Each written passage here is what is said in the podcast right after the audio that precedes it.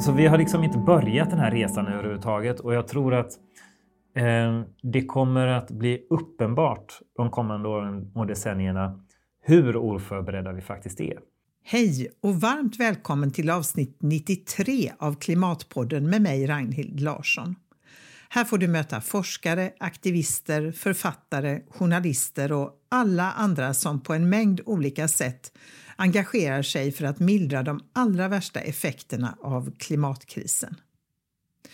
Gäst i dagens avsnitt är Peter Alestig som är klimatredaktör på DN och författare till den nyutkomna boken Världen som väntar – Vårt liv i klimatförändringarnas Sverige. Peter och jag sågs på Greenpeace i Stockholm den 16 augusti för att prata om boken och om klimatjournalistiken. I sju kapitel beskriver Peter hur våra liv kommer att påverkas på sätt vi inte kunnat föreställa oss. Redan idag har den globala uppvärmningen hotat vår tillgång på mat, gett oss nya sjukdomar och parasiter och påverkat vår roll i världspolitiken. I de olika kapitlen berättar Peter vad som kommer att hända i Sverige när det gäller snön, vattnet, hettan, elden, sjukdomar, mat och konflikter. Jag läser ju väldigt många böcker om klimatet och de ger mig kanske inte alltid så många nya insikter, men det gör verkligen den här boken. Inte minst på grund av de väldigt konkreta scenerna med ett tänkt framtidsscenario som inleder varje kapitel och som ger en väldigt realistisk bild av hur klimatkrisen kan komma att drabba oss i Sverige. Och hur vi inte alls är förberedda. Jag tror att vi går omkring med en mängd olika bilder i huvudet av hur klimatkrisen kommer att drabba oss. Och just därför är den här typen av böcker så viktiga.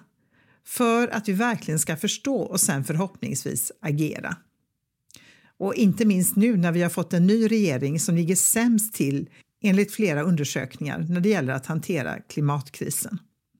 Och oavsett regering är jag ju sedan länge övertygad om att politikerna inte kommer att agera utan ett massivt tryck underifrån.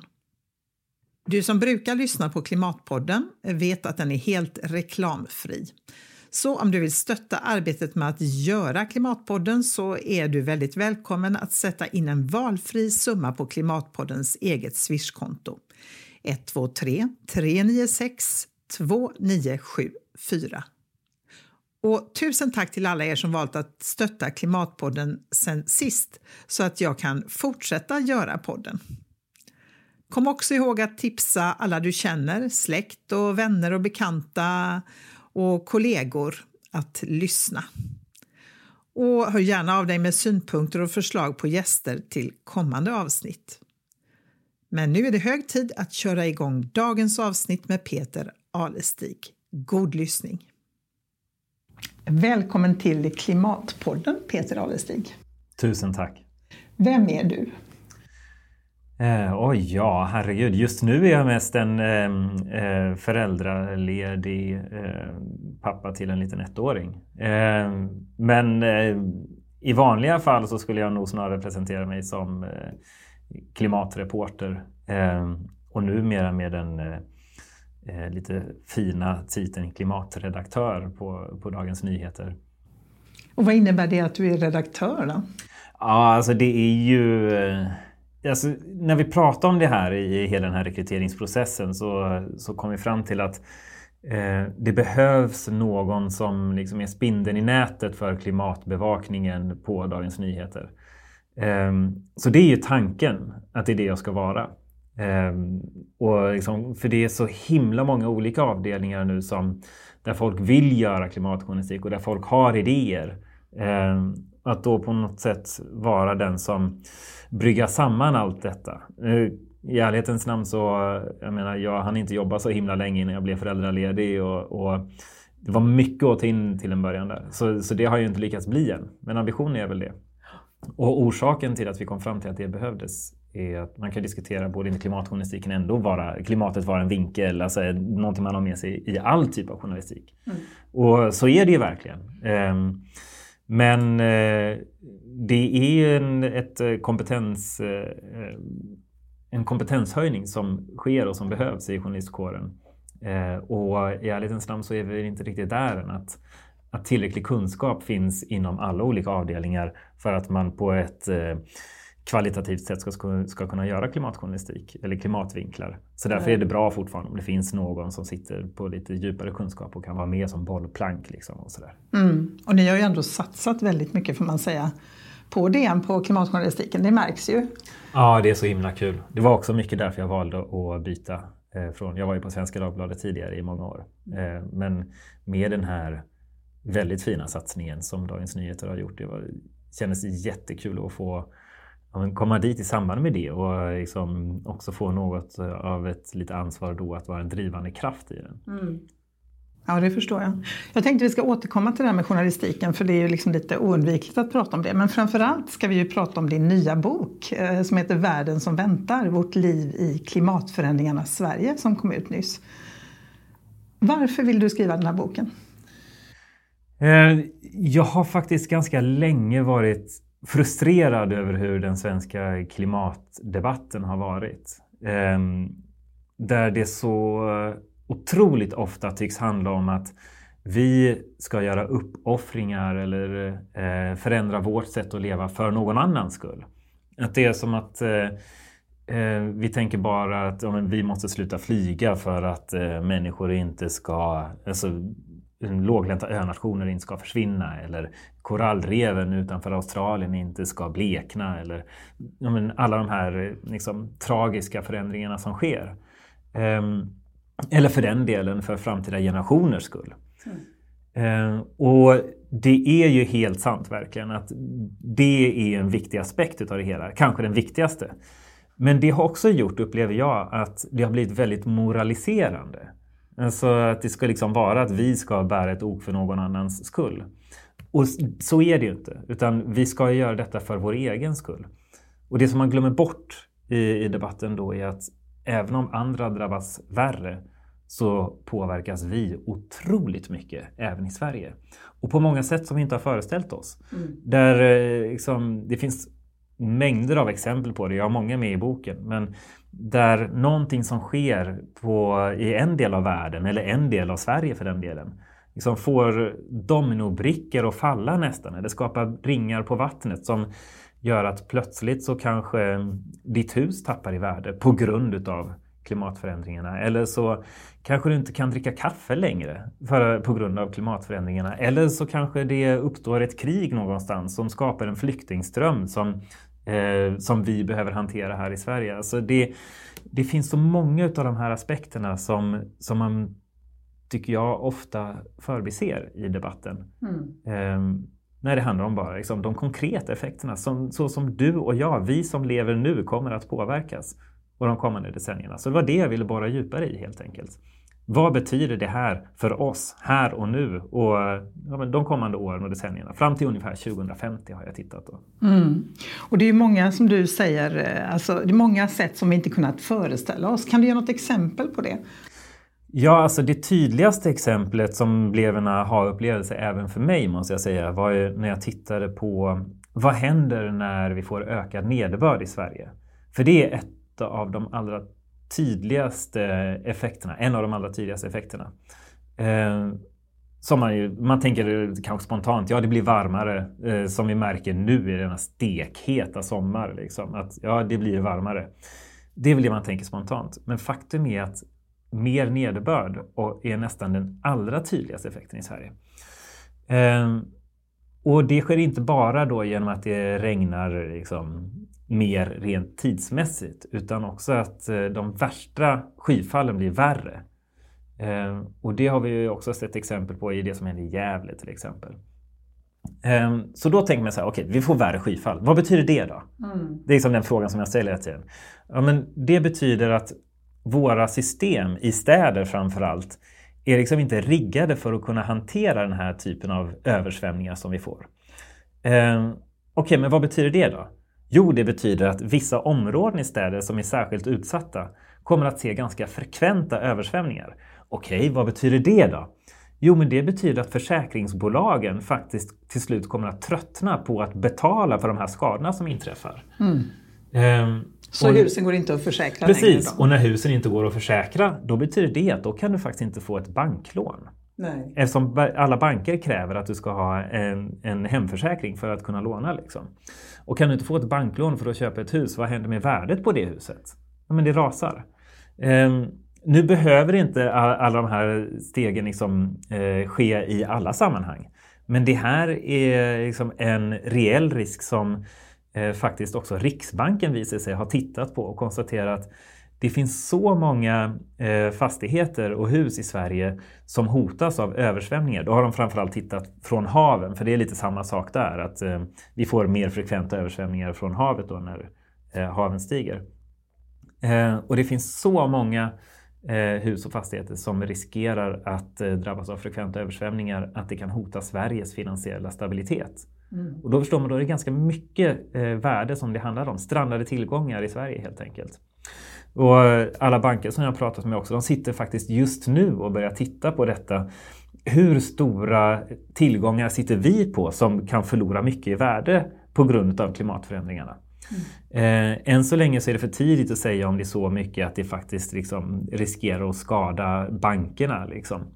Eh, men om det skulle vara så att de sitter på stora mängder dåliga lån till den här typen av fastigheter som då riskerar att tappa i värde men då kan ju faktiskt det få finansiella följdverkningar i hela samhället. Det var ju, dåliga lån är ju ett begrepp som den som kan sin finanshistoria känner igen från, från finanskrisen 2008-2009. Det var just det som skedde i USA, liksom, att dåliga lån triggade den här finansiella härdsmältan globalt. Då. Mm. Um, så det är ett väldigt konkret exempel där det inte bara är så att ett, en förändring av vädret inte bara kan kännas i enskilda personers plånböcker utan rent av i hela samhällets ekonomi. Mm. Men hur har det här påverkat då? Alltså är det så att eh, det är svårare att få bygglov till exempel för att bygga i de här utsatta områdena? Eh, eller fortsätter man bygga på de här platserna? Där, det har ju skett en lagförändring, nu kommer jag inte ihåg exakt när det var, men säg att det var 2006 eller, eller något sånt, 2008 kanske. När Eh, som innebär att man måste börja titta på klimatrelaterade risker när man eh, bygger nytt. Och då är det då länsstyrelserna som prövar eh, om kommunernas detaljplaner, liksom, är det här i strid med, är det för stora klimatrisker för att man ska få bygga detta? Och det har jag också tittat på, där det, där det finns faktiskt ganska många fall där Länsstyrelsen nu har avslagit eh, planerade byggprojekt från kommuner.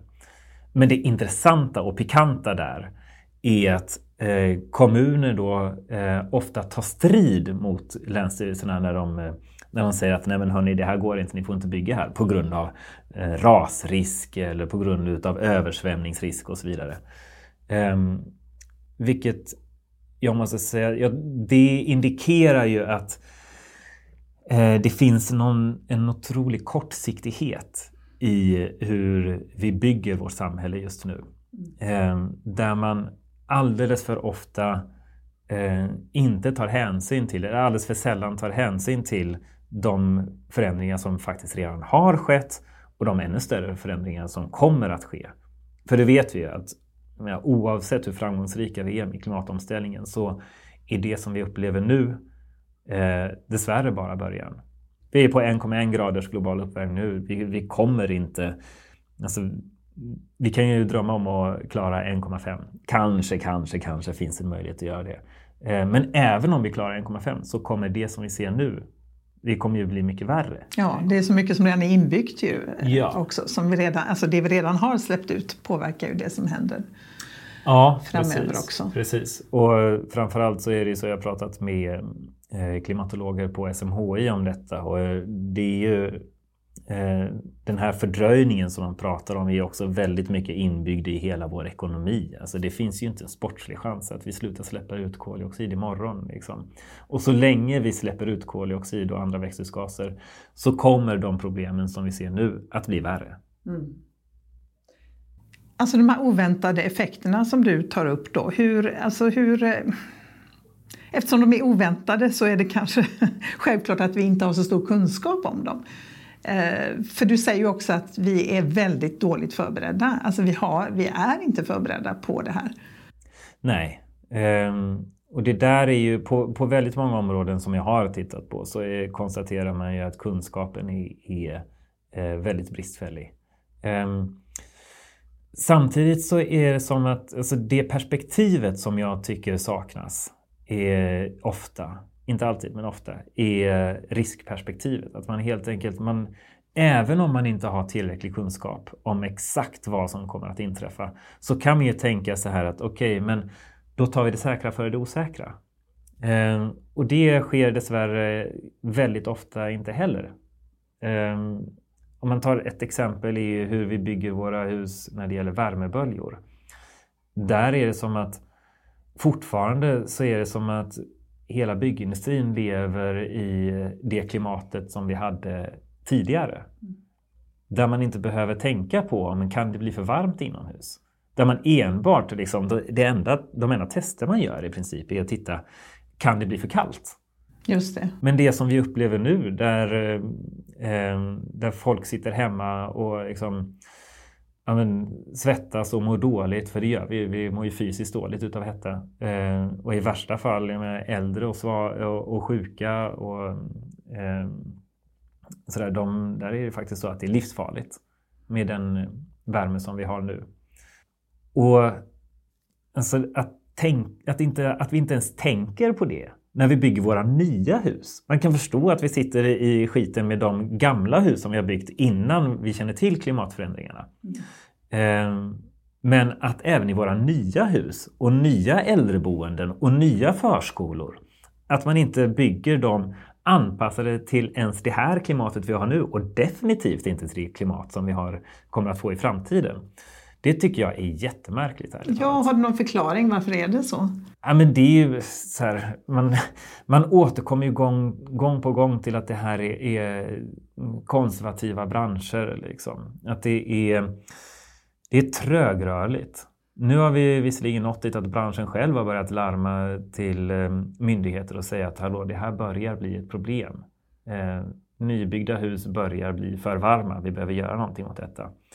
Eh, men det är liksom, vi är så fastlåsta i det sätt som vi alltid har gjort saker.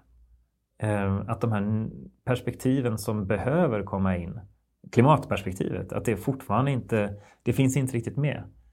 Um, ungefär som jag nämnde med journalistiken. Det, är liksom så här, det börjar kanske få fäste inom andra avdelningar. Liksom.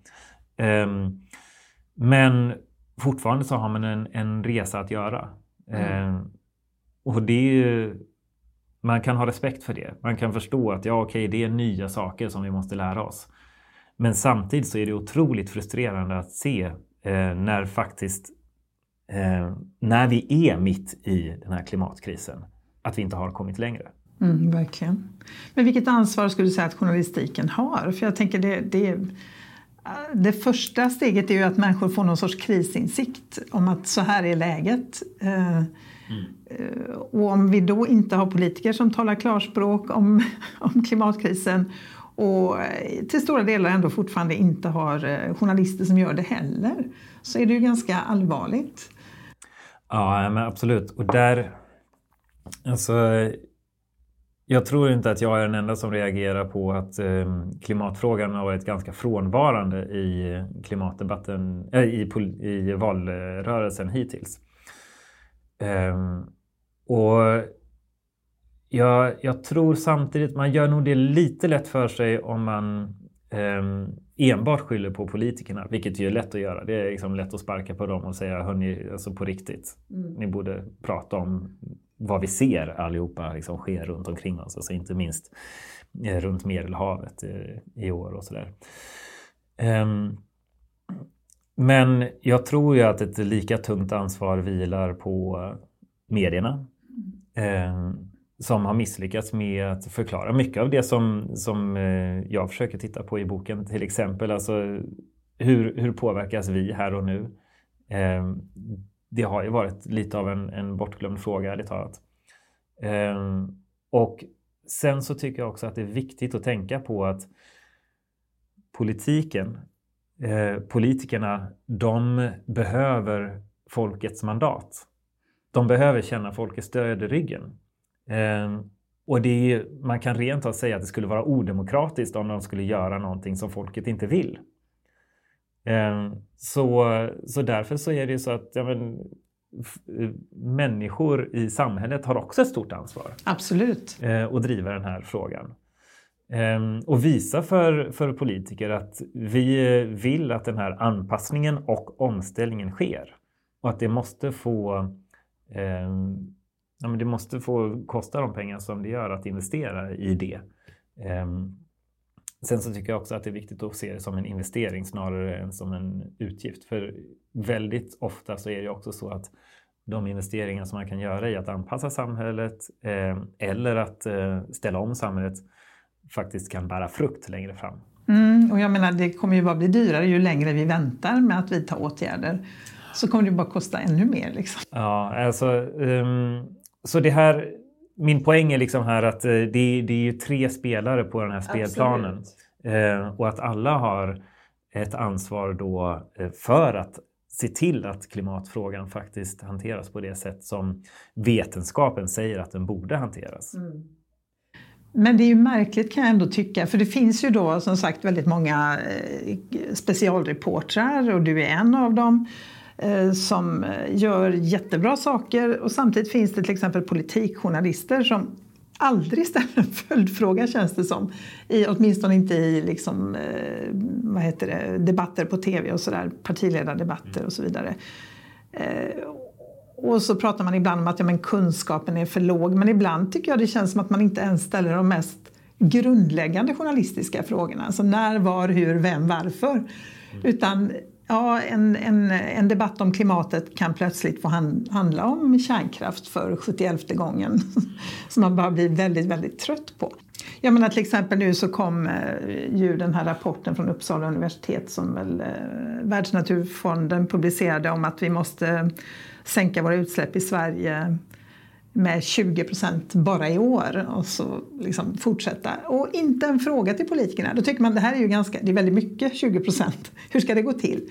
Och då känner man att en given fråga hade ju varit att fråga politikerna. Hur ska det gå till? Hur ska ert parti lösa den här, mm. eh, den här utmaningen? Mm. Um, Ja, alltså nej, men jag måste ju återkomma till, till det som du sa då. Alltså, jag, jag tror ju att det handlar mycket om att man ska kunna bottna i frågan som, som journalist för att kunna ställa de frågorna. Um, nu blir jag lite part i målet här, men jag tycker att um, de klimatpolitiska utfrågningar som mina kollegor har, har gjort med de olika partierna eh, på Dagens Nyheter, då, att de har ju varit på just den nivå som det borde vara på. Ja. Ehm, sen så är det också så att även i en sån ganska lång artikel så är utrymmet begränsat och det är någonting som man brottas med ständigt som journalist. Inte minst i en tv-debatt där ju allting ska gå väldigt snabbt. Liksom. Jo, men även där måste det ju finnas, då kanske man skulle välja att bara prata om klimatet någon gång. Det har ju hänt någon enstaka gång, men jag menar, jag menar TV4 hade ju nu någon debatt där man fick 30 sekunder på sig att svara. Alltså vad är poängen med det? Det känns ju liksom, det är ju inte, man blir inte så mycket klokare som tittare. Det, det, så, det är ju mycket formen tänker jag också. Ja. Alltså jag kan ju erkänna då, det här är väl det är väl något av ett tjänstefel, men jag tittar ganska sällan på de här debatterna, måste jag erkänna. Um, just för att jag tycker inte att det, um, det ger inga ordentliga svar ändå. Um, och sen så kan man bli ganska frustrerad över Alltså de områden som jag är specialiserad på som klimat och energi till exempel. Då, att att eh, eh, politikerna antingen medvetet säger sånt som inte stämmer eller inte kan.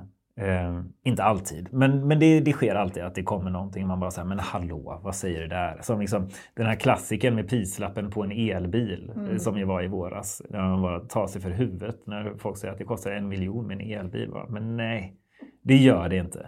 Det gjorde det för kanske för 15 år sedan, liksom. Mm. 10 år sedan. Ja, mm. men. Och då kommer man liksom undan med det på ja. något sätt. Ja. ja, eh, det finns förbättringspotential kan man säga. Ehm, eh, jo, du har ju valt att skriva en bok där du inleder varje kapitel med en liten scen. Eh, du har gestaltat hur det kan se ut ja, runt 2050 till exempel på olika områden när det gäller mat och hetta, vatten, mm. Ehm, ja, alla de här olika aspekterna du tar upp. Eh, hur kom det sig att du valde det sättet att skriva på? Jag jag skrev ett reportage, eller en, en, fördjupning i Svenska Dagbladet för några år sedan som, som hade just den eh, uppbyggnaden. Eh, då var det väldigt korta scener. Eh, eftersom jag plats i en tidning, återigen. Men, eh, och, och, för mig så eh, slog det an någonting. Eh, för mig blev det som att plötsligt så, så blev det som vi pratar om, alla grafer och siffror blev levande. Eh, jag kunde se liksom, den, den framtid som vi går mot ganska tydligt. Ehm, eh, och så, så, jag tänkte att det där var ett, ett, eh, ett grepp som skulle fungera väl även i en bok. Um, och då att man, får lite, att man kan skriva lite längre scener också. Det är fortfarande ganska korta noveller sådär. Liksom. Men, um, men bara för att levandegöra detta som vi faktiskt pratar om. Um, och jag tror ju att det, det kanske inte fungerar för alla. men det är ju samtidigt ett sätt att göra det som vi alltid brottas med i klimatjournalistiken och, och det är att hitta berättelserna. Mm. Eh, att, eh, för jag menar, vi, man kan skriva om hur många larm, larmrapporter som helst men siffror är fortfarande bara siffror. Liksom.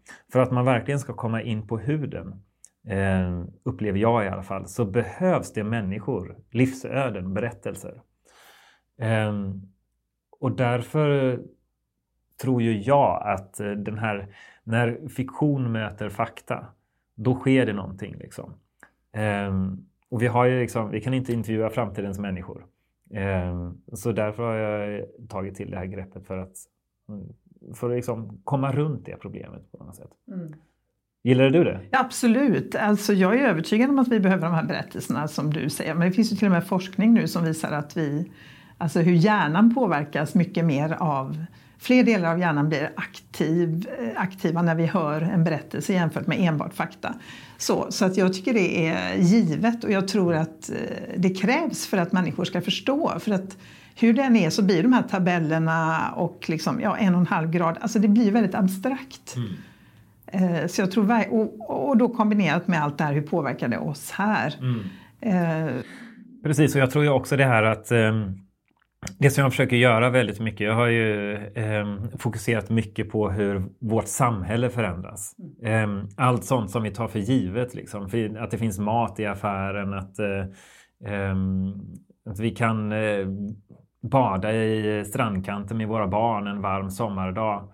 Ehm, liksom att, eh, att vi inte behöver oroa oss för att ett myggbett kan vara farligt. Eh, liksom, Eh, eller för den delen att vi kan åka skidor på vintern. Just det. Eh, alla de här sakerna liksom som, eh, som ju faktiskt ser ut att förändras i grunden. De sakerna liksom som, som påverkar vår vardag och våra liv och vad vi gör på vår fritid och kanske vad vi arbetar med. Alltså, allt det här. Mm. Det, det tror jag eh, är ett sätt att också förhoppningsvis eh, nå en kanske lite ny publik mm. i, i klimatjournalistiken. För det, jag tror att det är någonting som hela klimatfrågan och klimatjournalistiken brottas med är att det finns en engagerad kärna. Eh, men vi måste ju liksom, all, alla måste ju eh, ta del av kunskapen och eh, liksom beröras av det som vi berättar. Och, för det handlar ju om oss alla. Liksom. Mm. Och då tänker du att de här berättelserna är ett sätt att nå utanför den bubblan? Ja, ja, ja precis. Alltså, det dels, dels berättelserna men sen kanske framför allt att eh, eh, ta det här greppet om samhället, hur det förändras och våran vardag, hur det förändras och hur din plånbok påverkas. Och, liksom, allt det här. Kan, kommer din, dina barn att kunna eh, åka skidor på vintern? Eh, ens ha snöbollskrig? Liksom. Eh, alla de här sakerna. Jag, jag känner i alla fall själv att när man kommer in där så känns det på ett helt annat sätt. För jag menar, vi är oss själva närmast. Herregud. Eh, det, det är ju dessvärre så. Liksom. Mm. Eh, men just därför så då kan man också använda det som en, som en nyckel för att eh, komma in eh, till de rum som tidigare kanske har varit stängda. Och du inleder ju boken med ett kapitel om snö just och hur, alltså vad gör det med oss som svenskar och vår eh, alltså som är så vana vid det här med vintrar och skidsporten är jättestor och mm. du skriver om Vasaloppet och hur man liksom kämpar för att verkligen eh, få snön att eh, räcka till ett Vasalopp och hur man liksom introducerar nya sätt, att, alltså cykelvasan och ja, men precis. allt alltså... vad det nu är. Men varför är det så viktigt med snön då? Det, spelar det någon roll? Nej, alltså det resonerar jag kring också. Ja. Alltså egentligen så är detta... Okej, okay, vad gör om snön försvinner? Jag föreslog till och, med, till och med det som titel på boken i ett tidigt skede. um, men um, Ehm, samtidigt så är det ju så... Det blir så otroligt konkret. Det, det blir verkligen... Ehm, och känslomässigt ehm, också. För, I alla fall för oss som gillar snön och vintern. Liksom. Och sen så eh, tänker jag också att det, det är en, eh, en, ett sätt att också visa på de här eh, konsekvenserna som eh, alltså hur det sprider sig i samhället och liksom ringar på vattnet och sådär. Eh, om, om man tar Vasaloppet som, ex, som exempel, alltså att det, där handlar det ju faktiskt om att en, en, här, en av de svenskaste traditionerna nästan som eh, där vdn är otroligt eh, alltså pragmatisk får man säga. Som tänker att nej, men Vasaloppet måste överleva och vad gör vi då? Ja, men kanske är det så att vi eh, helt enkelt måste göra Vasaloppet på, på något annat färdmedel, med något annat färdmedel än, än skidor. Och hans argument för, det, för att göra det istället för att alternativet kanske flyttar längre norrut eh, är också att han ser att vi kanske inte kommer ha samma kultur av vintersport i framtiden. Nej. För när allt större delar av landet inte får snö, då kommer det naturliga vintersportandet kanske förändras. Um, och vad betyder då ett Vasalopp på skidor om ingen åker skidor längre? Det, det är hans syn på saken. Liksom. Mm. Um, så ja, jag tycker att det är ett... Um, men där, det berör någonting hos mig och jag tror hos många andra också faktiskt. För jag har också efter boken fått väldigt många frågor om just detta. Om just snön och just att detta, att ja, när jag var liten så var det vanligt med långa snörika vintrar eh, även i Västsverige där jag växte upp. Liksom. Eh, men nu är det väldigt ovanligt. Mm. Och det är redan nu vid 1,1 grader. Eh, sen, jag menar, det är ju fullkomligt uppenbart att våra vintrar är på väg att försvinna. Mm. Och samtidigt skriver du att eh, Sverige kan bli lite av vinnare i det här därför att snön försvinner ännu mer i Alperna till exempel. Ja men precis. Och, det där, och då bygger där... man en flygplats i Sälen. Ja men precis. Och detta är ju... Um, men det finns en del sådana där paradoxer där vi i Sverige faktiskt kortsiktigt kan bli vinnare. Um, och detta är ett typexempel då. Där, där det faktiskt sker satsningar på att attrahera turister ifrån större delen av Europa till de ändå under de närmaste decennierna ganska snösäkra vintrarna i de svenska fjällen. Om man jämför med Alperna. Eh, och det är ju klart att då ja, ska man få turister att ta sig ifrån alpregionen eller kanske Spanien eller sådär till, till Sverige för att åka skidor. Då bygger man en flygplats. Ja. Detta absurt mm. som bidrar till att snön att ja, det blir ännu mindre snö liksom, ja, framöver. Precis. Så och sen, sen, så ska man ju säga så här att eh, när jag pratar med Skistar om detta, eh, om liksom hur kan man, hur, hur, liksom, hur lirar det här? Liksom, era, er snö håller på att försvinna. Det hotar er verksamhet. Samtidigt så bygger ni en flygplats för att flyga turister hit. Då det jag kan säga är att den ledningen som eh, finns på Skistar nu är inte den ledning som fattade det beslutet. Okay. Och det märks. Mm. Eh, det märks att det är obekvämt för dem att prata om detta. Att de kanske egentligen inte riktigt gillar den där satsningen men de sitter med den. Liksom. Mm. Eh, men ja, och jag har också fått höra från andra håll att det är, liksom, det är lite andra tongångar inom Skistar nu.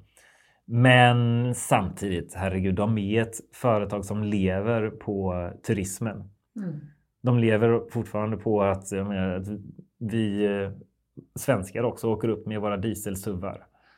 Eh, nu har inte jag någon dieselsuv, men det är många som åker upp till fjällen med dieselsuvar. Liksom. Eh, så ja, det, det, är ju en, en, eh, ett företag som är väldigt fossilberoende. Och, även om man inte hade en flygplats. Ja, verkligen. Vad skulle du säga är den viktigaste slutsatsen med boken? Ja, alltså... Jag tror ju att det vikt, allra viktigaste och, eh, som jag tar med mig är att eh, vi har inte ens börjat titta på ordentligt hur vi påverkas av klimatförändringarna. Eh, det är liksom, man, har, man har börjat ta fram kunskap men anpassningen har inte riktigt börjat eh, på riktigt. Det finns några enstaka undantag. Jag tar upp eh, eh, hanteringen av skogsbränder som exempel. Eh, och där är det ju så att där har vi drabbats av två stycken stora katastrofer de senaste åren. Dels branden i Västmanland 2014 som eh, liksom var Sveriges första megabrand i modern tid. Som är en sån här brand som ingen kunde föreställa sig att den skulle kunna inträffa i Sverige. Vi kan inte ha sådana bränder, tänkte man. Sen så kom det. Eh, och det tog ju eh, hela liksom, brandförsvaret på sängen totalt. Sen så eh, kom 2018 med alla de bränderna.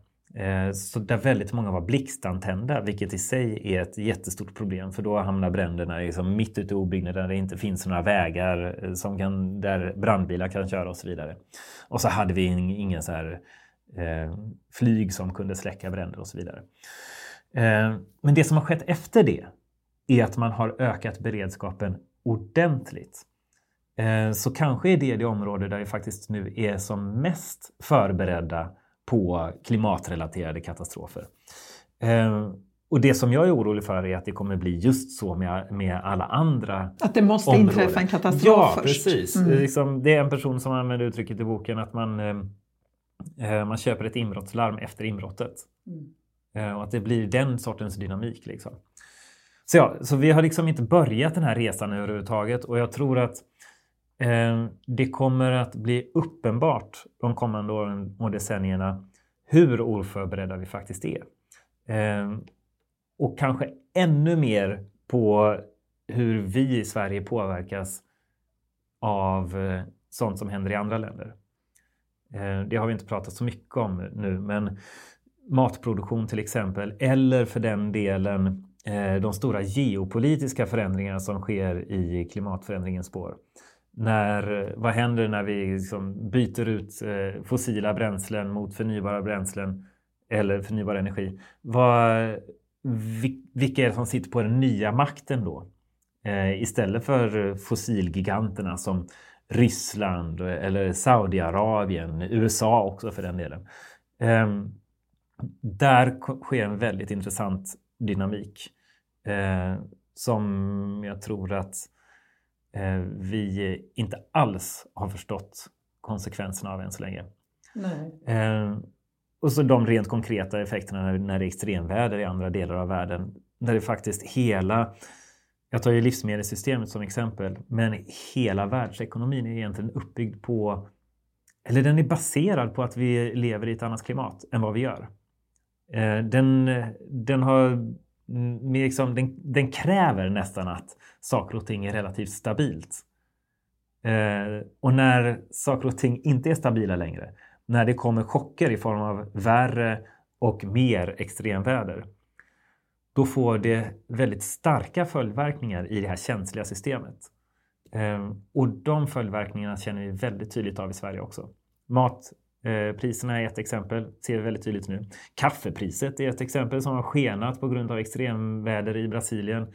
Ehm, halvledarkrisen är ytterligare ett exempel som jag tar upp i boken som är delvis orsakat av klimatrelaterat extremväder.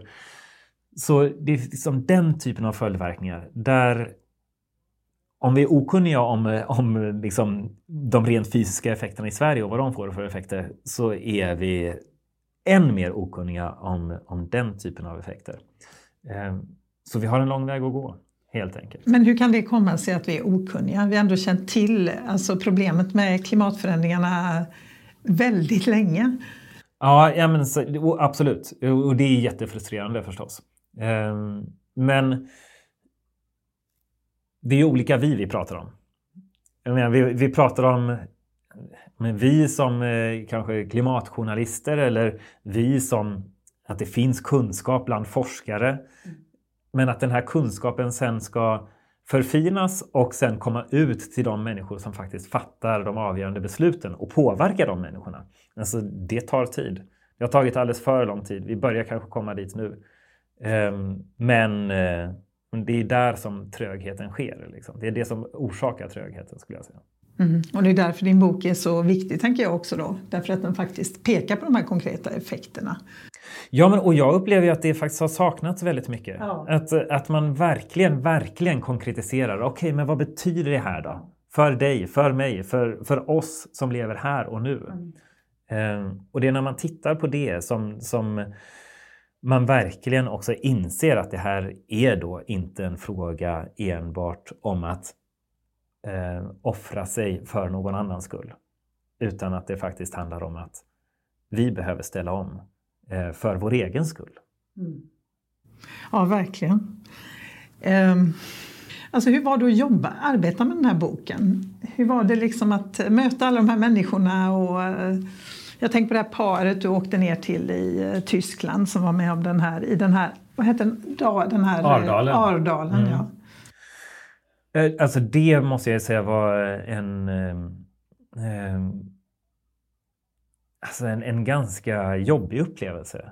Eh, Ardalen var ju där som eh, det här extrema regnovädret drog in förra sommaren eh, som ju krävde mängder av dödsoffer, framförallt i Tyskland men även i grannländerna. Ehm, och Ardalen var en av de regioner som drabbades allra värst där en ganska beskedlig liten fors som rinner genom den här otroligt vackra dalen med vinrankor liksom längs branta bergssluttningar. Jättevackert verkligen.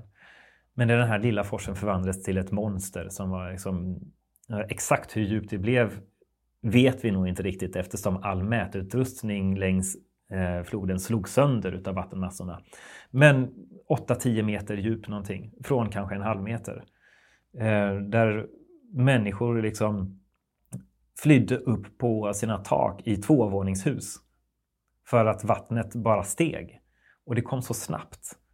Eh, det blev liksom som tsunami som svepte över de extremt idylliska och exklusiva områdena i den här dalen. Eh, och det som eh, faktiskt chockade mig var att när jag var där så hade ett halvår gått sedan den här katastrofen inträffade. Vi läste ju allihopa om det liksom, eh, och hörde nyheter och sådär. Men ett halvår senare, i december, så var det fortfarande så att det gjordes mat i soppkök på gatan. Eh, folk hade ingen värme i sina hus. Det var, tak saknades. Ehm, det var lera överallt. Det var liksom lerrester på husen längs hela dalen. Det var som att um, det var som, känslan var att det här hände för någon vecka sedan. Ja. Um, och då förstår man vilket enormt arbete det är att bygga upp samhället igen efter en sån katastrof. Och uh, vilket trauma det blir för alla de som är där. Alltså, ehm, effekterna blir ju inte bara att väldigt många människor dog utan att ehm, mängder av liv slogs i spillror. Och väldigt mycket depression och även självmord faktiskt. Ehm, så det var ju som att jag, jag, tror jag nämner det i boken att jag menar, jag har ju varit, jag har varit Afrikakorrespondent eh, tidigare och sådär och jag har varit på reportageresa i Bangladesh för att titta på effekterna av ehm, översvämningskatastrofer där. Och plötsligt var det som att det som vi har sett andra fattigare och mycket sämre rustade länder drabbas av. Plötsligt så händer det här i rika Tyskland. Liksom. Ehm, och då eh, blir det som att man inser att ja, men, ehm, vi kan inte skydda oss mot allt. Inte ens vi i den här i, i den nästan allra rikaste delen av världen. Liksom.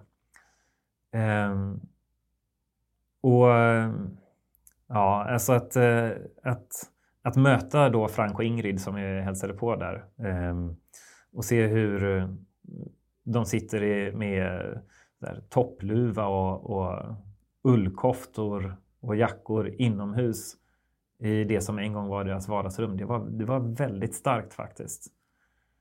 Um, jag hoppas att jag lyckas förmedla det i boken. Det är alltid så där att man, man blir inte säker på om, om det liksom om den här känslan av, av tragik och um, sorg.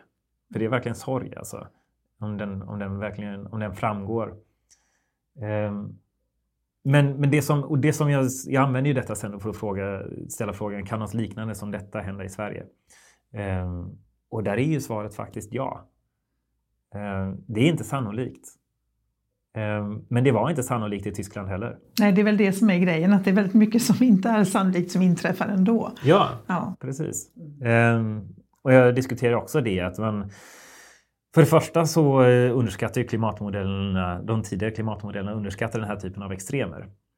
Eh, som då verkar vara vanligare än, än vad, vad modellerna, eller mer sannolika än vad, än vad modellerna lyckas beräkna. Eh, och för det andra så fastnar man ju lite i en fälla där man hela tiden tittar på hur, stor, hur sannolikt är det att det sker just här? Istället för att tänka hur sannolikt är det att detta sker i hela Sverige? Mm. Och då hamnar man, sådana beräkningar har, har inte gjorts för övrigt. Men eh, man hamnar ju på en annan nivå av sannolikhet. Och visst är det så att eh, du tittar också på något index för översvämningar? Var det översvämningar? Alltså där man beräknar hur stor är sannolikheten för att det ska bli extrem, extrema översvämningar i de här olika ja, områdena. Just det, hundraårsregn och så. Och vilket påverkade dig förstår jag i dina husdrömmar. Ja, ja, ja. Och... Alltså, jo men precis. Det, där är, det kan ju vem som helst faktiskt gå in och titta på. Det är ju, översvämningar ska jag säga har man kommit ganska långt med i, i analysen av. Mm. Um, bara för att det, fanns, det finns ett EU-direktiv från 2006 som säger att ja, nu ska vi titta på detta. Um, så uh, i princip alla kommuner tror jag faktiskt uh, har gjort olika Eh, beräkningar av hur påverkas man av hundraårsregn. Eh, ja, det är väl hundraårsregn som man räknar på. Eh, och då kan man se var hamnar det här vattnet då? Som kommer när skyfallet kommer. Ehm, och jag tittar ju då på, jag pratade också med en person som, som bor i Enskede, en del av Enskede, där eh, man hade två stycken stora översvämningar förra året som väl gick lite under radarn i alla andra eh, här, katastrofer som inträffade under 2021. Men för de som bodde i Enskede, i den delen av Enskede, det var ju, jag tror det var ett par hundra villor som blev översvämmade. Eh, där det då liksom, ofta det som sker i Sverige är att eh, eh, det kommer vatten eh, upp i källaren för att våra dagvattensystem inte är eh, byggda för att hantera den här typen av regn som vi får nu. Um, men så jag gick in där och tittade på här, den här kartläggningen då för att se men hur ser det ut egentligen? Och den här delen av Enskede var ju totalt rött, liksom, vilket betyder att här hamnar regnet. Mm. Men det var ju också så att jag såg att en röd fläck faktiskt ligger precis bakom min lägenhet. Precis vid vårt källarförråd. Eh, nu ska man säga att den här eh, Stockholms stad påpekar att den är lite trubbig, det här verktyget för att liksom, titta på den detaljnivån. Eh, så det kanske inte kommer vara så att det blir en meter vatten utanför min balkong. Men det kan mycket väl vara så. Och jag trodde att jag var safe, för vi bor, faktiskt, vi bor på en höjd. Och så här... Just det, för det tänker man ju. Bor man bara lite högt så... Ja, men precis. Men men och återigen för att anknyta till här att, hur det påverkar oss. Det här har ju helt förändrats på hur jag agerar nu när jag vi tittar på att köpa hus, eh, min familj och vi har ett, en liten son och vi bor i en liten lägenhet. Så, eh, så småningom så kommer vi inte få plats där helt enkelt. Men nu så har ju min blick på de här potentiella framtida hemmen har ju helt förändrats. Eh, och jag pratar med mäklare också om liksom, hur är det? Börjar folk ställa frågor om detta? Är det någonting som börjar påverka marknaden? Nej, det gör det inte, inte än. Nu eh. kanske efter att folk läser din bok. Ja men precis. Men, men så det är fortfarande så att en inredd källare, eh, liksom lyxinredd källare är väldigt attraktivt. Mm. Men när jag ser det nu så ser jag bara, oh herregud vilken risk liksom. Mm. Eh, samma sak om man bor precis nere vid hamnen i något fint område. Eh, och Det är jätteattraktivt i mäklarnas ögon och i bostadsmarknadens ögon. Mm. Men hur attraktivt är det när det börjar komma översvämningar frekvent? Nej, och där har ju byggts, det inte, har ju byggts nyligen i Göteborg, ja. Eh, alldeles nära kajen på Hisingssidan till exempel. Ja, och det där sker ju i så många städer alltså. Um, det är också ett, ett sådant exempel som jag tar i eh, Kristianstad kommun. Vad är faktiskt de som Eh, de överklagade ju ett eh, eh, när, när Länsstyrelsen sa nej till ett bostadsprojekt ute vid kusten. Det är exakt det här, precis vid kusten. Eh, jättefint, attraktivt var planen då. Men så sa Länsstyrelsen, hörni, översvämningsrisken, det här kommer inte funka. Vad gör Kristianstad kommun? De överklagar det beslutet. Sen så, fick, så sa regeringen nej, vilket i princip alltid händer också. Alltså ja. att de står på Länsstyrelsens sida. Men bara det faktum att liksom kommunerna tar striden för den här typen av objekt, där det är så uppenbart att det här kommer inte funka. För herregud, husen ska ju stå där i vadå, 50-100 år. Men varför gör de det? Är det för att kortsiktig vinst? Liksom? Ja, ja, men precis. Och det är ju så här, det här har ju utredning efter utredning pekat på, som jag också tar upp i boken, att ansvaret för den här typen av projekt, eh, det, är liksom, det finns ingen som har det långtgående ansvaret. Eh, I dagsläget så nu, ska jag, nu kommer jag inte ihåg siffrorna i huvudet faktiskt, men jag har för mig att det är så att eh, kommunerna har ett ansvar i tio år. Det är inte så länge. Nej, tio år är ju ingenting i det här perspektivet. Alltså, jag menar, då är vi på 2032. Eh, husen ska stå där till kanske 21, 22. Och vem tar ansvar för vad som händer från de övriga 90 åren? Mm. Nu har det föreslagits i den här stora rapporten från eh, Expertrådet för klimatanpassning att eh, man dubblerar det ansvaret till 20 år och att det också delas av byggherre och eh, kommun. Men det är fortfarande bara 20 år som föreslås och det har ju inte blivit lagen. Så, så än så länge så är det ju det här väldigt korta ansvaret som, som gäller. Mm. Har vi för stark tillit till våra myndigheter i Sverige som medborgare? Men vi är ändå ganska vana vid att inte behöva engagera oss så jättemycket därför att eh, vi har ändå haft en stark, eh, vad ska man säga, stark stat. Vi har, liksom, vi har hög tillit, vi har haft i alla fall traditionellt en hög tillit till våra myndigheter och till politiker och sådär. Nej, men jag tror att vi behöver inse att eh, eh, samhället kan inte skydda oss mot allt det som kommer att inträffa.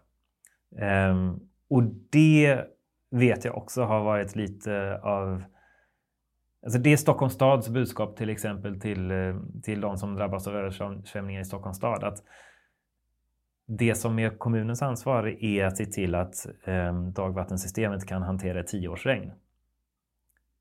Vilket ju, och det är i dagens klimat. Liksom.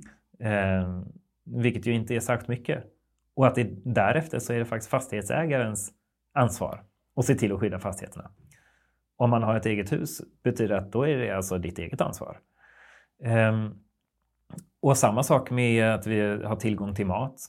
Där säger Livsmedelsverket när jag frågar om men det är marknadens aktörer som eh, får se till att, att eh, efterfrågan möts av utbud. Hjälp. Ja men precis och jag menar marknadens aktörer eh, de gör ju det som, eh, för det första det som de tjänar pengar på. Det kanske är dyrt att, att se till att ha liksom den robusthet som krävs för att, se till, för att vi alltid ska ha mat i, eh, även om, kris, eller om extremväder slår till på viktiga produktionsregioner och sådär. Eh, men, men och samtidigt ännu tydligare skulle jag säga är att eh, kunskapen eh, hos, hos marknadens aktörer finns inte där. Ehm, det var, jag, jag, pratade ju med, jag, jag, ville prata med ICA om detta till exempel. Vad gör ni för att se till att vi faktiskt har den mat vi vill ha och behöver i framtiden? De vill inte prata om det överhuvudtaget. Eh, och jag tror också att, jag resonerar med en annan person om detta, vad beror det på då? Mm. Men det är inte bara ICA, det är väldigt många företag som säger att när man frågar om vad ser ni för klimatrisker för er verksamhet och hur hanterar ni dem? När man ställer den frågan så är det ganska få som vill prata om det. De blundar bara då eller stoppar ja, huvudet i Volvo sanden? var ett till exempel, Volvo Cars. Jag ville fråga dem också, med, apropå halvledarbristen då. Eh, vad, vad, eh, vad gör ni för att hantera klimatriskerna som ni står inför? De vill inte heller prata. De sa inte rakt ut att de inte ville prata, men vet, de fördröjer och förhalar och så till slut så slutar de svara på frågor. Liksom. Ehm, och eh, en slutsats av en person som jag pratar med i boken som har då granskat eh, väldigt många svenska företag på det här området är att skälet att man inte vill prata om detta är att man har inget svar. Man vet inte hur man ska hantera de här riskerna. Och om man börjar prata om att det finns risker som man inte vet hur man ska hantera. Inte bra. Nej, det är, framförallt så är det inte bra för aktiekursen. Nej. Alltså, om man, då, då drar ju investerare öronen åt sig. Mm. Ja, men precis. Eller, eller ja, mörkar, det ja men precis. Ja, man kan faktiskt säga att de mörkar. Um, framförallt så är det så att de, um, de är inte transparenta med, med liksom, riskerna som de står inför. Så ja, men det låter lite som politikerna tycker jag. För det känns ju som att de inte heller... Jag önskar att vi hade politiker som sa att vi står inför enorma utmaningar. Vi vet inte exakt hur vi ska hantera dem. Vi behöver hjälpas åt med detta. Vi behöver... Istället låtsas man om som att man har koll på läget, vilket ju känns lite så här icke ja, ja, trovärdigt. Nej, men precis. Men eh, eh, det, Ja, jag, jag håller ju helt med om, om din beskrivning där. Alltså, problemet är ju så här, men vad ska man säga då? Mm. Om man är politiker ska man säga nej, vi har inte koll på läget. Om man är företagsledare ska man säga nej, vi har inte koll på läget. Eh, det, det kanske man skulle önska, men ja, ja. Där, där, där kommer vi inte hamna. nej, förmodligen inte. Men jag tänker, för jag tror att eh, ja, speciellt politiker har liksom en en uppfattning om att eh, man måste stryka väljarna medhårs. Man måste säga till dem att nej, du behöver inte ändra någonting i din livsstil eh, utan det här löser vi. Eh, vilket då för sådana som mig bara skapar ett politikerförakt. Eh, och jag tänker ju tvärtom. Om det, om det fanns, om vi hade politiker som var mer ärliga och uppriktiga och sa nu behöver vi er hjälp eh, att lösa det här. Vi behöver alla hjälpas åt. Alltså lite som man ändå hör eh, berättelser om andra världskriget. Hur, alltså folk är ändå beredda att göra väldigt stora uppoffringar. Titta bara på pandemin, när man vet att ja, men nu är det allvar. Men mm. om ingen säger att det är eh, pratar om krisen som den kris det faktiskt är så blir det ju också väldigt, eh, jag vet inte, det, det blir väldigt eh, Ja, dels blir det ju svårt att få människor att ställa om, tänker jag. Mm. Men just att det också skapar... För jag tänker att jag, jag inbillar mig, jag kanske har helt fel, men jag inbillar mig att en politiker som liksom ändå sa var mer ärlig skulle också vinna röster och vinna förtroende. Men det verkar man inte riktigt tro att det är så. Och jag, som sagt, jag kan ha fel. Men... Alltså, jag, jag kan bara säga så här att um, jag, jag har pratat med uh, en, en minister förra hösten i, i um, den dåvarande regeringen en socialdemokratisk minister. Eh, och eh, den här ministern var väldigt tydlig med att eh, om man börjar Alltså, man, det finns en stor rädsla för att eh, man ska få ett gula västarna på sig. Ehm, att det ska bli eh, eh, protester och eh, missnöje. Och att det i sin tur ska, ska göda då missnöjespolitik eh, istället och missnöjespartier. Eh, och så, så det är liksom det är, det är den balansgången som, som han menade då att man måste ha. Mm. Eh, Sen så tycker jag också, alltså, jag, den här jämförelsen med att vad vi gjorde under pandemin, den, den är ganska frekvent. Liksom. Eh, jag tycker att den är lite den är lite svår att göra faktiskt. För att när det gäller pandemin, då såg vi ju människor dö. Ja. Eh, så det är ju... Och vi visste att det här är en, någonting vi behöver göra en kort period. Just det. Jo, så, det så, att, så att den viljan fanns eh, inte fullständigt heller ska man ju veta. Det var ju ganska många som protesterade även mot detta. Jo, jo, eh, men så, jag, jag, tror att den, det, är, det, är, lite svårt att säga att det bara är att göra samma sak som un, under pandemin. För här är det mycket mer abstrakt. Mm. Och det är mycket långsammare. Och det är någonting som kommer ta mycket, mycket längre tid.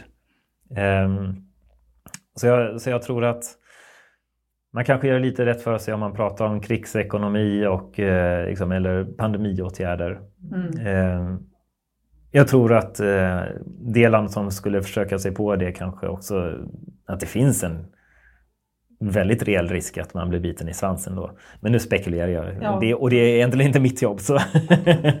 Men jag, jag funderar också vad händer när människor, det ändå går upp för människor att Alltså det här har vi vetat om jättelänge och vi har ändå inte agerat. När det verkligen står klart för människor liksom att eh, då lär man inte heller kanske bli så jättepopulär som politiker. Eller, jag menar, vi har ju Exxon Mobil som, eh, Mm. eh, som ju visste redan på 70-talet att deras verksamhet var skadlig men liksom aktivt valde att mörka detta faktum. Liksom. Ja, ja, men precis. Och det är väl kanske ett av världens mest hatade företag nu. Ehm, I nivå med Gazprom kanske. Jag vet inte. Men ehm, ehm, jag, jag tror ju... ehm, jag tror faktiskt att det inte kommer bli så.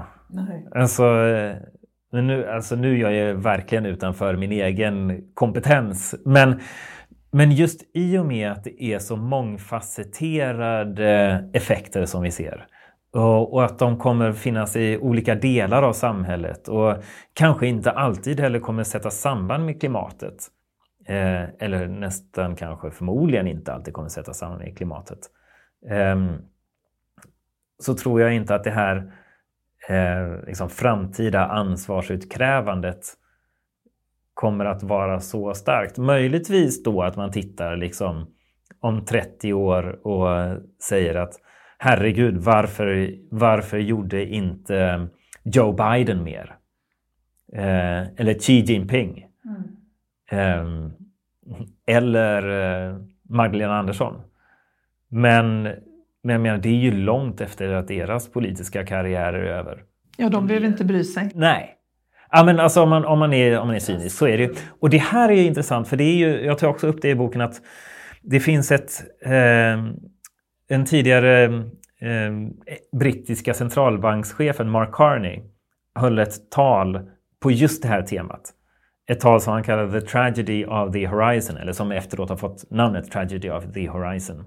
Där han pekar på att de risker som finns, eh, som vi står inför på grund av klimatkrisen de är så långt borta vid horisonten eh, att de flesta eh, beslutsfattare i samhället de förmår inte att titta så långt.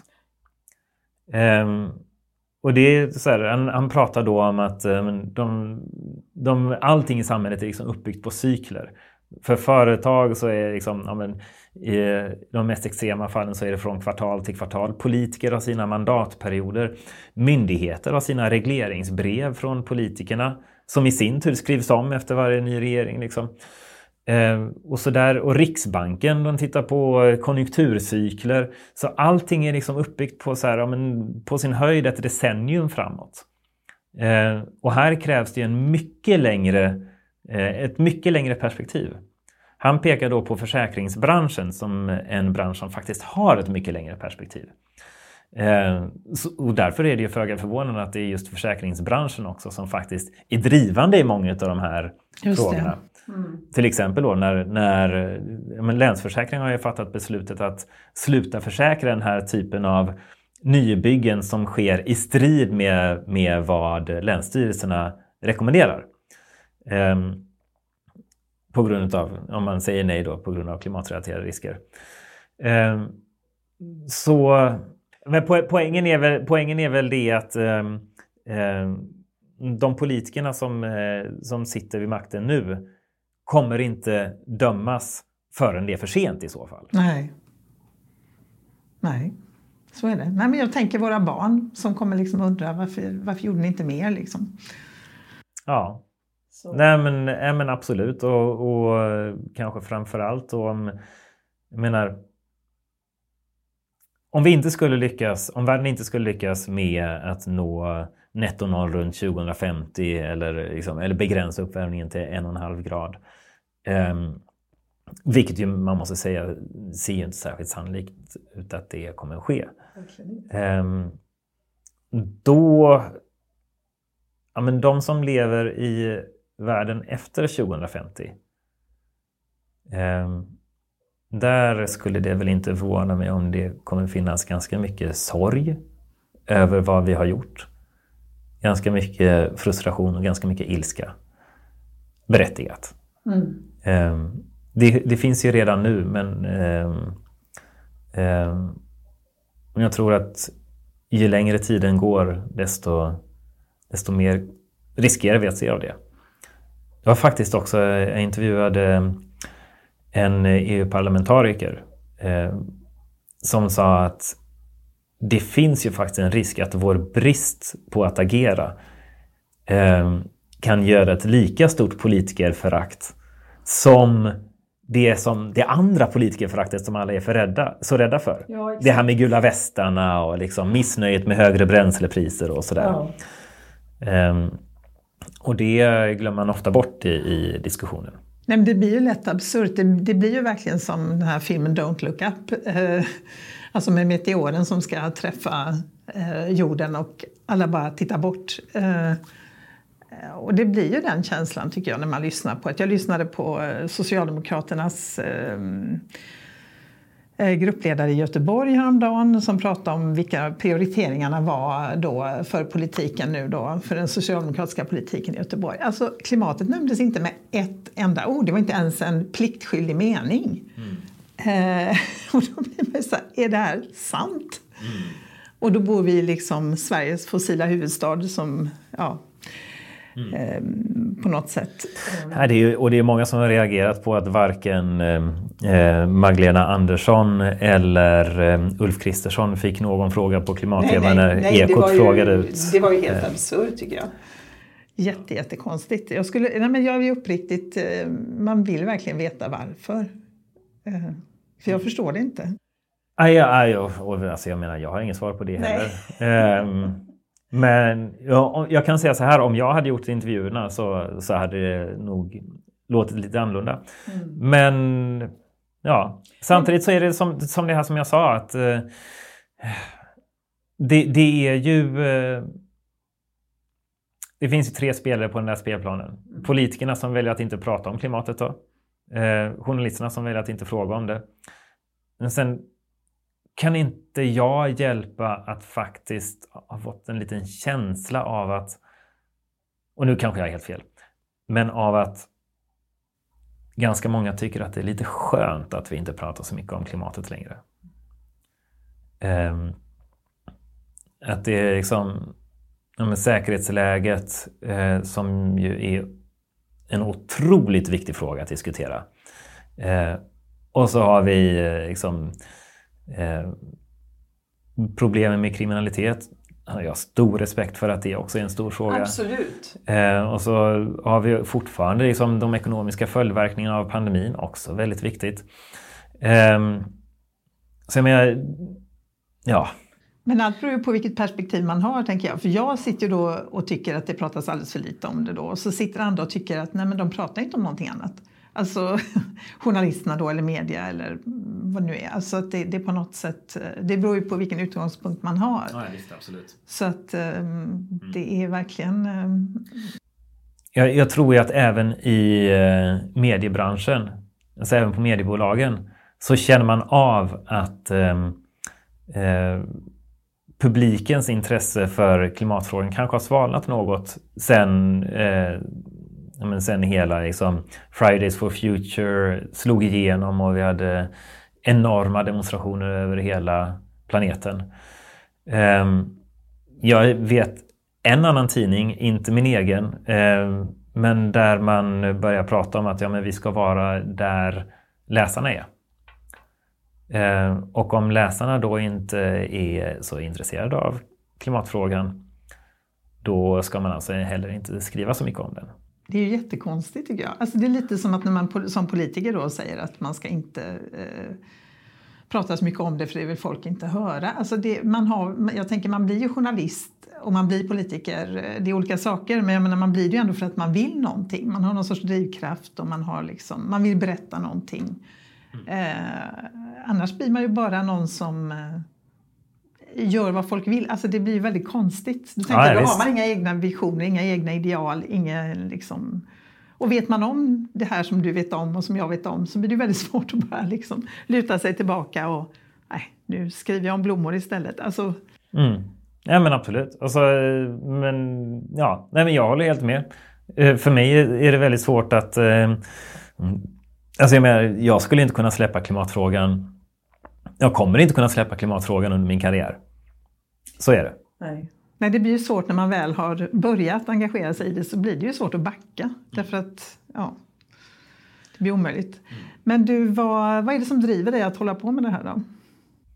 Alltså det, så som det började för mig var att jag läste en, en bok när jag pluggade på Journalisthögskolan. Ehm, inte för att jag pluggade på Journalisthögskolan utan av en slump så läste jag den samtidigt. Mark Lines eh, Sex grader som är lite av en klassiker numera. Um, och efter det så insåg jag då att ja, men det här är en, det här är en ödesfråga som jag vill ägna mig åt att bevaka. Um, och sen dess har jag liksom Journalistiken är en, en rätt märklig och tuff bransch där man inte riktigt får göra det man vill liksom, som nyexad Eh, Eh, och sådär. Men under, under åren så försökte jag hela tiden liksom, från de olika eh, arbetsplatser som jag hade på de olika arbetsplatser och i de olika roller jag hade dra åt, eh, åt klimat och hållbarhetsfrågan. Eh, och det lyckades jag med ganska väl. Eh, tills jag till slut blev klimatreporter på Svenska Dagbladet. Då. Eh, och sen inte var det så länge innan eh, en viss DN-chef hörde av sig och frågade vill du inte komma till oss istället? ja, men, men så jag menar jag, jag tycker ju att det här om, om jag ska svara på vad, men vad, vad driver mig då? Men, så som, så som journalist, det som driver min vilja att liksom skriva nästa artikel är, är alltid att försöka nå igenom. Ehm, att, eh, att hitta de här berättelserna och vinklarna som gör att folk verkligen eh, berörs. Ehm, och ehm, det är lite som att eh, uppfinna hjulet. Alltså för jag upplever att det inte riktigt är någon som har gjort det på ett riktigt bra sätt. Eh, det börjar komma mycket mer nu. Ehm, eh, men jag tror att det är ju, om vi återgår till liksom, varför skrev jag den här boken och, och sådär, att jag tror ju att det är genom eh, berättelserna och genom att välja rätt vinklar som man kanske kan få det här dödläget eh, som jag upplever det i alla fall i den svenska klimatdebatten att eh, sakteliga luckras upp. Vad hoppas du att läsaren ska göra eller ta med sig efter att ha läst din bok? Jag hoppas att den eh, eh, kommer att leda till en insikt om att effekterna av klimatkrisen är synliga i vårt samhälle, i Sverige, här och nu. Och att de kommer att bli än mer synliga eh, under de kommande decennierna. Eh, och att det samtidigt visar att det är inte läge att lägga sig ner och ge upp. Eh, utan snarare tvärtom. Att det som jag skriver om här är sånt som vi med stor sannolikhet kan säga kommer att ske. Eh, just på grund av den här fördröjningen och att men, vi kommer inte släppa ut, eh, sluta släppa ut växthusgaser imorgon. Ehm, men att det är ju på, i det längre perspektivet som insatserna blir verkligt stora. Ehm, så därför så säger jag också i slutet av boken att den viktigaste klimatanpassningen som vi kan göra är ju faktiskt att få bukt med utsläppen. Ehm, så jag hoppas att den, eh, den inte leder till en stoppa huvudet i sanden-känsla utan snarare till lite jävlar anamma. Lite upp till kamp. Ja, men, ja precis. Nu... Sitter och tittar på boken, eh, nya boken från Extinction Rebellion, här, Tid för uppror. Ja. Precis, det där är ju då jag blir genast obekväm som journalist jag vet, när, när du kör sådana fraser. Men eh, de kommer ju från dig. Ja, exakt. Jag får stå för dem. Tack så hemskt mycket Peter Alestig för att du var gäst i Klimatpodden. Det var jättespännande. Jag hoppas jättemånga läser den här boken för den var väldigt eh, inspirerande och eh, ja, bjuder på väldigt mycket nya insikter tycker jag. Så stort tack! Tusen tack!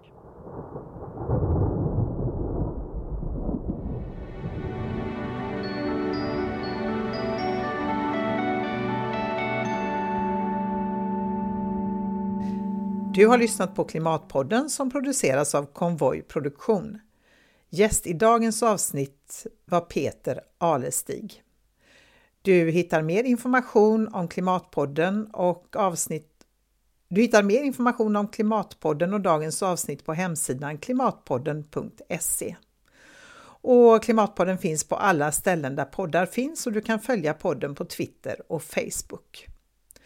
Om du vill stötta arbetet med podden är du varmt välkommen att swisha valfri summa till 123 396 2974.